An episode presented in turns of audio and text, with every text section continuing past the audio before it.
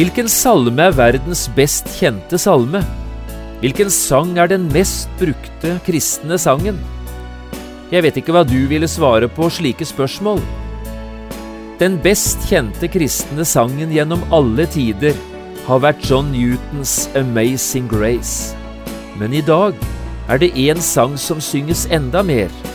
Og hvilken sang det er, det skal du snart få høre.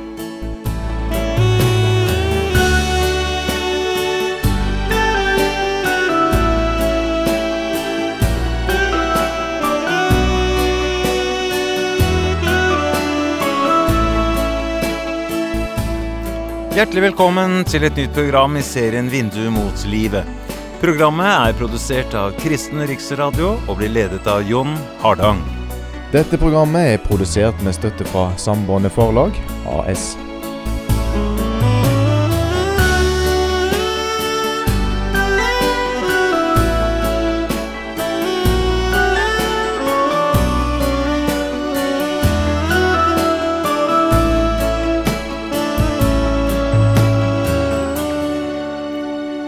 Vi fortsetter også i dag denne bibelundervisningsserien som er kalt Perler fra Salmenes bok.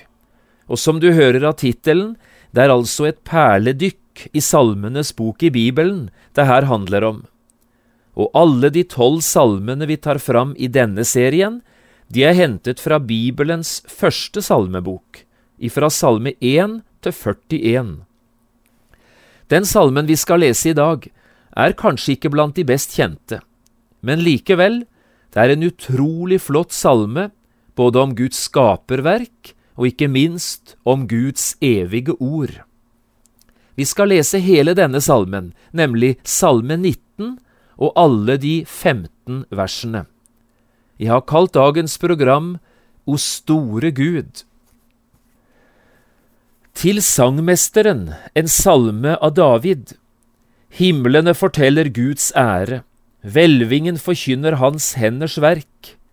Den ene dag lar sin tale strømme fram til den andre, og den ene natt forkynner den andre sin kunnskap. Det er ikke tale, det lyder ingen ord, deres røst høres ikke, men deres målesnor er gått utover hele jorden, deres ord til jorderikes ender. I dem har han reist et telt for solen.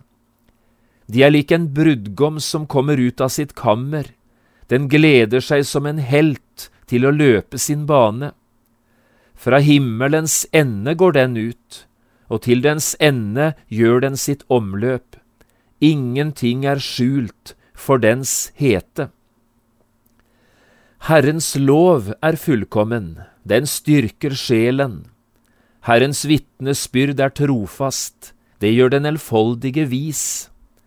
Herrens forskrifter er rette, de gleder hjertet.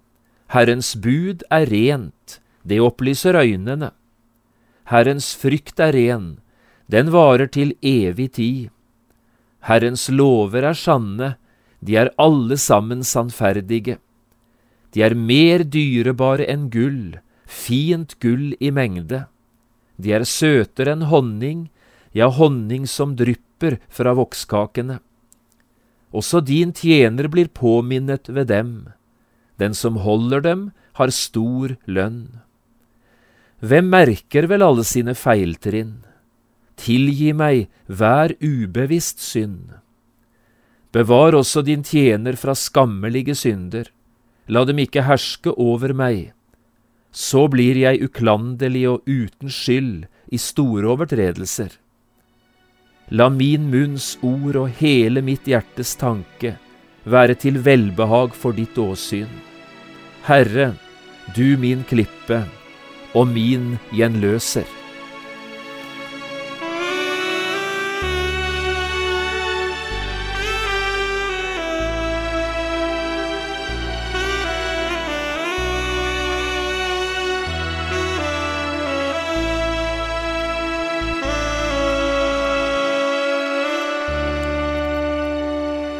Hvilken salme er verdens best kjente salme?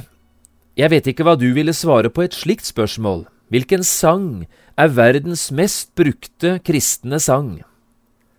Svaret på de spørsmålene skal du få høre nå. Men svaret er egentlig litt avhengig av hvordan vi tenker.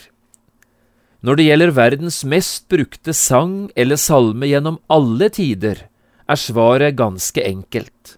Det er hymnen Amazing Grace, skrevet i 1779 av den tidligere slavehandleren, forkynneren og forfatteren John Newton.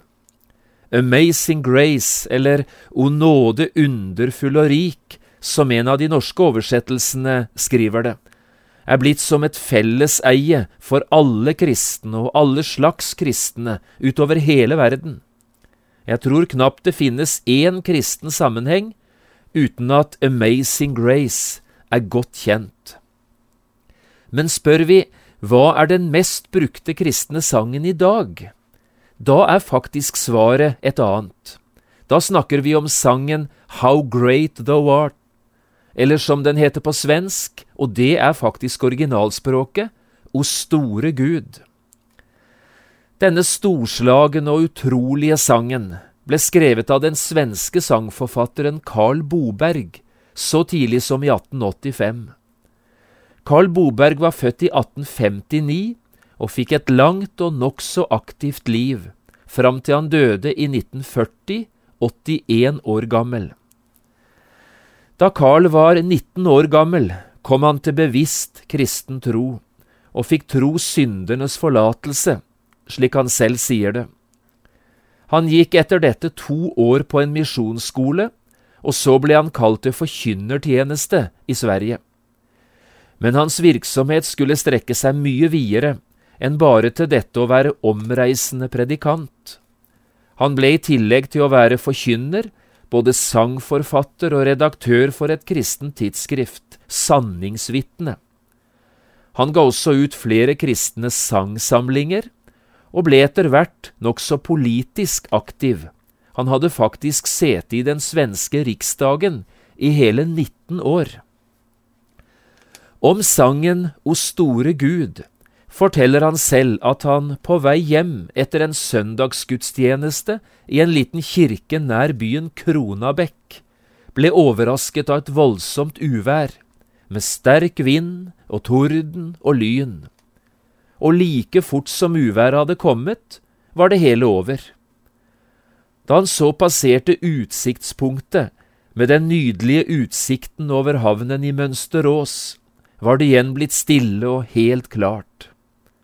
Synet av denne idylliske havnen, i kontrast til det voldsomme uværet som nettopp hadde rast forbi, dette grep Carl Bobergs hjerte, og så bryter han ut O store Gud.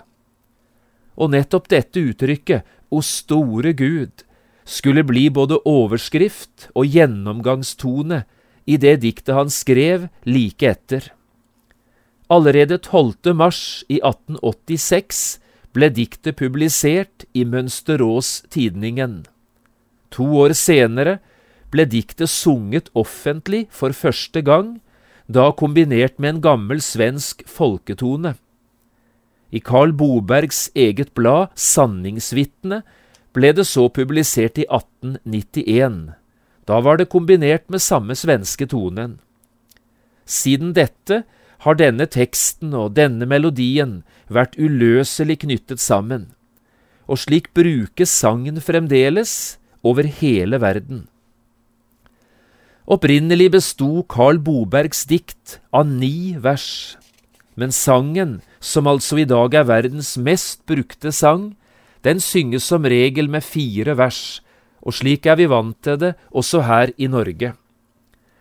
Men det er nok i et av de versene som vi nesten aldri bruker, at den sterkeste naturopplevelsen, den som skapte sangen, klarest kommer til uttrykk. Hør på dette, og nå siterer jeg fra den svenske originalteksten. I ett av versene, i et av de første, beskriver han uværet som kom. Når jeg hør åskans røst og stormen brusa, och blixtens klingor springa fram ur skyen. När regnets kalla friska skurar susa och löftets båge glänsar för min syn. Da brister sjelen ut i lovsangsljud, o store Gud, o store Gud. Og litt senere, i et av de andre versene, skriver han om finværet. Når sommervinden susar over felten, når blommor dofta innvid kjellans rand, når trastar drilla i de grøna telten, vid furuskogens tysta, dunkla rand. Då brister sjelen ut i lovsångsljud, o store Gud, o store Gud. Eller, som han synger det i siste koret, da brister sjelen ut i lovsångsljud, takk stora Gud, takk stora Gud. Det er også en annen ting som er litt spesielt med denne sangen. Det er den lange veien som sangen reiste, fra en liten svensk by ute ved kysten av Østersjøen, og så ut i den store verden. Jeg tror ikke det er mange kristne sanger som kan fortelle om en slik reiserute. Sangen O store Gud ble første gang utenfor Sveriges grenser brukt i en liten svensk minoritet som på 1800-tallet var bosatt i Estland. Her borte fikk imidlertid en tysk pastor, Manfred von Glen, høre denne sangen, og han oversatte den til tysk, Vi gråspisto, o store Gud, og denne sangen ble svært populær i hele Tyskland. Fra Tyskland tok den tyske oversettelsen så veien til Sovjetunionen, der den i 1927 ble publisert på russisk av Ivan S. Prokhanov. Dermed var enda et kontinent inntatt. Omtrent på denne tiden var den britiske misjonæren Stuart K. Hine i tjeneste i Ukraina, ikke langt fra grensen til Polen. Også han fikk høre den nye sangen og skulle bli den som først laget en engelsk oversettelse av sangen.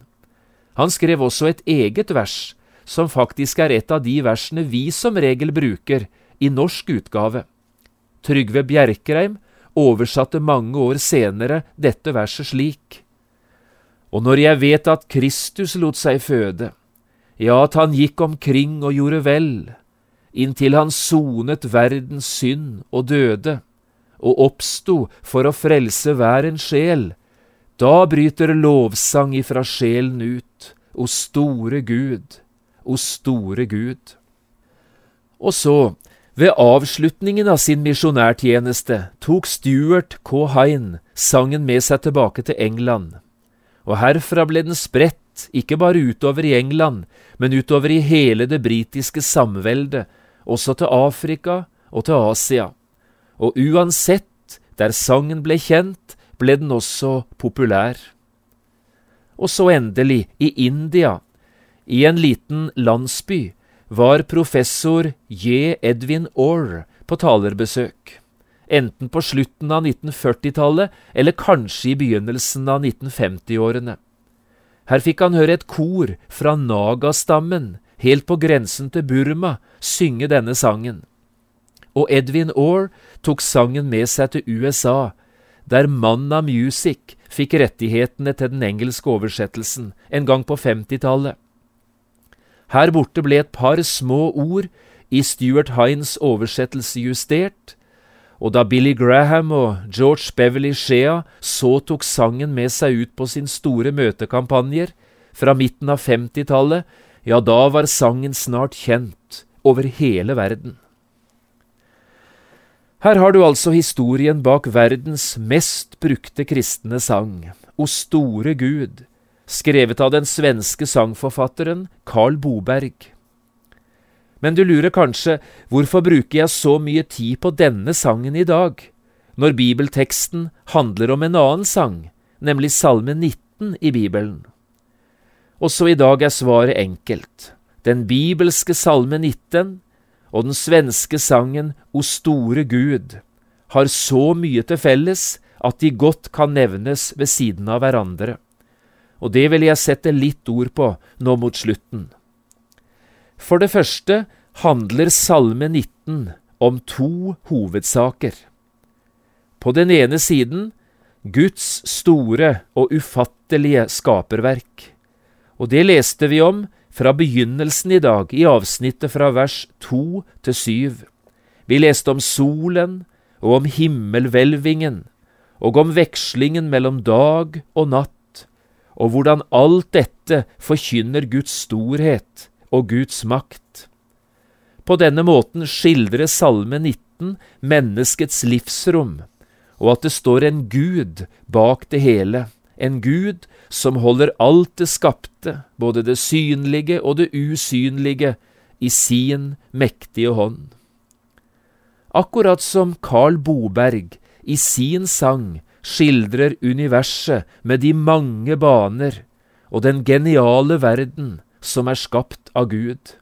I hans sang får vi høre om torden og lyn og sol og regn og blomster og trær, alt dette som et menneske har fått å glede seg over, helt fra den første Adams tid. Men på den andre siden får vi i Salme 19 høre om noe som er enda større enn skaperverket med himmelen og jorden, altså dette vi kaller Guds naturlige eller alminnelige åpenbaring. Vi får nemlig høre om Guds overnaturlige eller spesielle åpenbaring, og da tenker vi på dette at Gud også har åpenbart seg gjennom sitt ord, gjennom sin nåde og aller mest gjennom sin store frelse. Og hvis skaperverket kan overvelde et menneske og skape lovsang i hjertet, ja, så kan Guds ord, Guds nåde og Guds frelse gjøre det enda mer. Hør for eksempel på de versene som kommer rett etter det avsnittet som jeg nå har henvist til. Jeg tenker på vers åtte til ti, og videre seks flotte beskrivelser av Guds ord, og hvilke virkninger disse ordene kan ha på dem som leser dem. Hør hva som står. Herrens lov er fullkommen, den styrker sjelen. Herrens vitnesbyrd er trofast, det gjør den enfoldige vis. Herrens forskrifter er rette, de gleder hjertet. Herrens bud er rent, det opplyser øynene, de gir øynene glans, står det i en dansk oversettelse. Herrens frykt er ren, den varer til evig tid. Herrens lover er sanne, de er alle sammen rettferdige seks strålende beskrivelser av Guds ord, altså av Guds overnaturlige åpenbaring. Ikke rart at vers 11 da sier det slik, de er mer dyrebare enn gull, fint gull i mengde, de er søtere enn honning, ja, honning som drypper fra vokskakene. Og så legger David til, og nå gjør han det for sin egen del. Også din tjener blir påminnet ved dem. Den som holder dem, har stor lønn. Og så ber David, hvem merker vel alle sine feiltrinn? Tilgi meg hver ubevisst synd. Det er nemlig én stor forskjell på den naturlige og den overnaturlige åpenbaringen, altså på det du på den ene siden møter i skaperverket, til forskjell fra det du på den andre siden møter i Guds ord. Og hør nå, i skaperverket, altså den naturlige åpenbaring, der møter du Guds storhet og Guds makt. Du forstår at det finnes en Gud, og du aner litt av den store sammenhengen som også du er en del av. Og på denne måten fratas du alle unnskyldninger. Si ikke at du ikke visste det var en Gud. Hele skaperverket er jo et eneste sammenhengende vitnesbyrd om Skaperen, den store og mektige Gud. Men du møter ingen nåde i skaperverket, og heller ikke et budskap om kjærlighet og omsorg og tilgivelse. Det møter du et annet sted. Det møter du gjennom Herrens ord, og i møte med Herrens frelse og tilgivelse. Ingen kan bli frelst bare ved å møte Gud i naturen. Det må noe mere til enn det som er alminnelig. Du trenger et møte med Gud selv, slik han åpenbarer seg i sitt ord og i sin sønn, i Jesus. Skogens mange trær kan ikke frelse noen, men korsets tre på Golgata, det kan frelse. Og nettopp dette skinner igjennom også i Carl Bobergs nydelige sang. For samtidig som vi altså får høre om storheten i universet og skaperverket, i budskapet om himmelens og jordens skaper, så får vi også høre om Han som kom til verden. Skapelsens verksmester, Guds egen sønn, han som ble et menneske som deg og meg, og som ble født inn i denne verden, ikke først og fremst for å leve, men for å dø. Jeg har allerede sitert et av versene i den norske oversettelsen, og gjentar det gjerne her. Og når jeg vet at Kristus lot seg føde, ja, at han gikk omkring og gjorde vel, inntil han sonet verdens synd og døde, og oppsto for å frelse hver en sjel, da bryter lovsang ifra sjelen ut, o store Gud, o store Gud. Da er det sant, det som står i vers tre her i Salme 19. Den ene dag lar sin tale strømme fram til den andre, og den ene natt forkynner den andre sin kunnskap. Hver eneste dag forteller oss om en Gud som er trofast, som aldri svikter, og som alltid vil være med og nær sitt folk, alle dager og alle slags dager. Og hver eneste natt minner oss om Han som er verdens lys, og for hvem ingen natt, ikke engang den mørkeste natten, er for mørk for. Dette budskapet, å, men det vil jeg fryde meg over. Og ingen dag vil tale så sterkt nettopp om dette som den dagen som skal fortelle oss at ingen natt skal være mer. Det kommer nemlig en dag da himmelen og jorden skal smelte sammen i en ny guddommelig og fullkommen verden. Guds bolig er hos menneskene, sier Bibelens siste bok.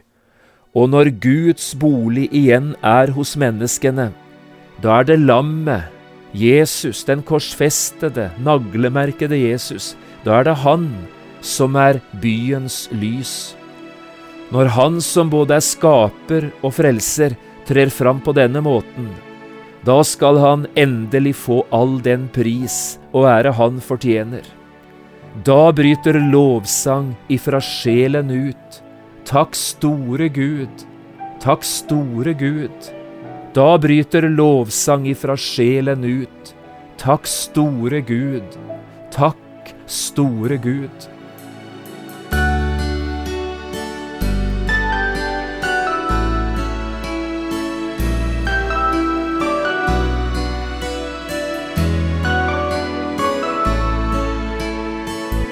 Du har lyttet til program i serien Vindu mot livet med John Hardang.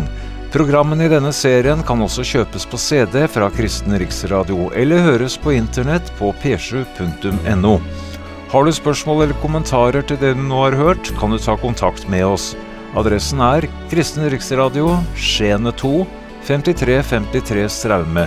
Eller send en e-post vml alfakrøll p7.no.